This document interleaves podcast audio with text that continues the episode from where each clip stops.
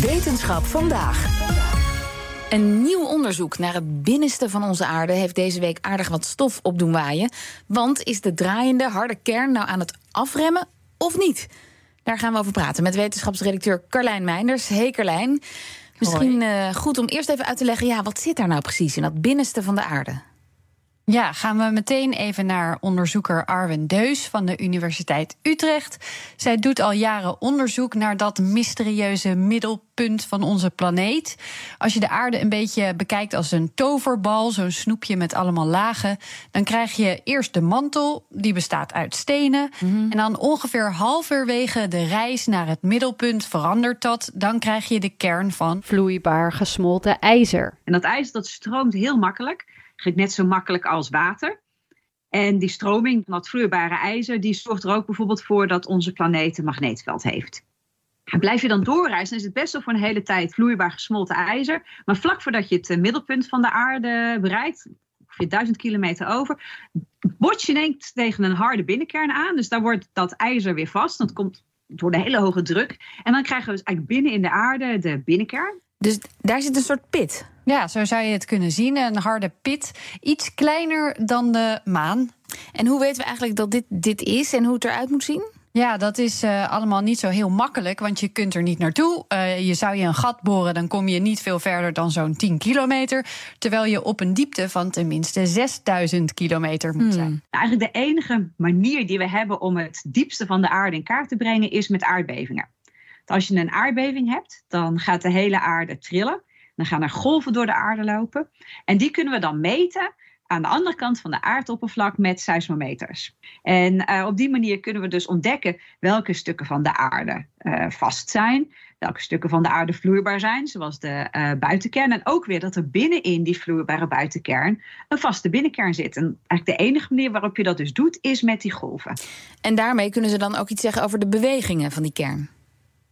Ja, en dat is best bijzonder, want een, een plaatje maken van hoe het daarbinnen eruit ziet op één moment, dat is nog redelijk simpel. Maar als je wil weten dat, dat over de tijd veranderd is, dan moet je dat dus ook voor het verleden doen. Dus dan doe je dat met data die er vandaag is, maar ook met data die 10 jaar, 20, 30 jaar, misschien wel 50 jaar oud is. En dan hoop je dat je verschillen ziet. Wat ze dus uh, zien, is dat bepaalde golven, en dan met name die golven die door die binnenkern gegaan zijn, dus die door het diepste van de aarde gaan zijn, dat die veranderen.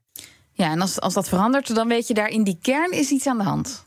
Precies, ja. En daar is iedereen het ook wel over eens. Dat alleen dus dat binnenste stukje, die binnenkerngolven aan het veranderen zijn.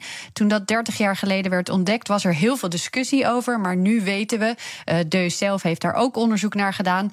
Er verandert daar iets. Maar de interpretatie dat dat een draaiing is waar de binnenkern sneller draait dan de rest van de aarde.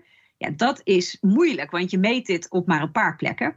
En je, je zegt ineens dat de hele binnenkern draait. Dan moet je eigenlijk de hele binnenkern gekeken hebben. Want het kan ook wel dat er op één plek iets gebeurt. wat geen draaiing is, maar iets anders wat in de tijd veranderd is. Hmm, dat weten we dus nog niet zeker. En wat blijkt er uit die nieuwe onderzoeksresultaten van deze week? Daarin zeggen Chinese onderzoekers eigenlijk ja, die verandering zit hem wel in die draaiing.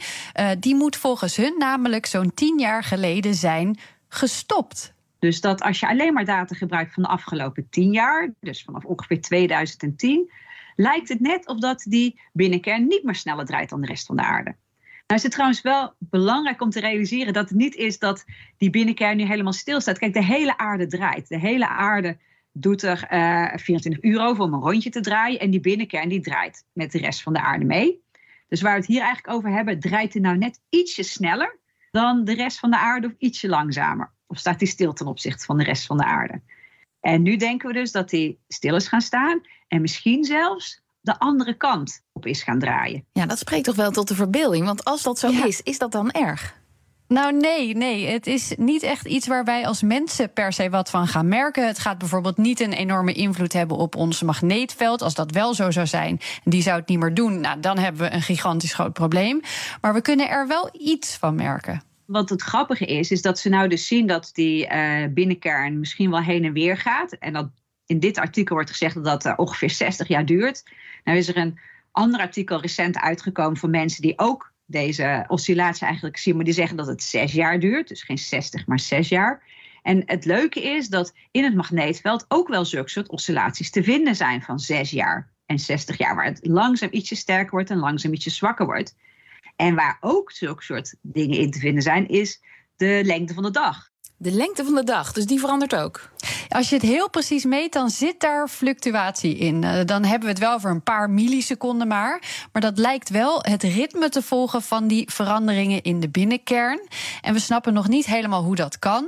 Uh, Deus zelf is druk bezig om die binnenkern nog veel beter in kaart te brengen als een soort hersenscan. En daar is ze afgelopen jaar flink mee opgeschoten. Wat we daarin zien is dat de binnenkern eigenlijk bijna net zo interessant is als de mantel. Dus het is niet gewoon overal hetzelfde. Er zijn stukken binnenkern waar de kristallen van de, de ijzer waar de binnenkern van gemaakt is, allemaal één kant op staan. Plekken waar ze kriskras door elkaar heen liggen. En het volgende wat ik eigenlijk wil doen is ik zei al, het is moeilijk om te weten of die hele binnenkern draait als je maar op een paar plekken metingen hebt.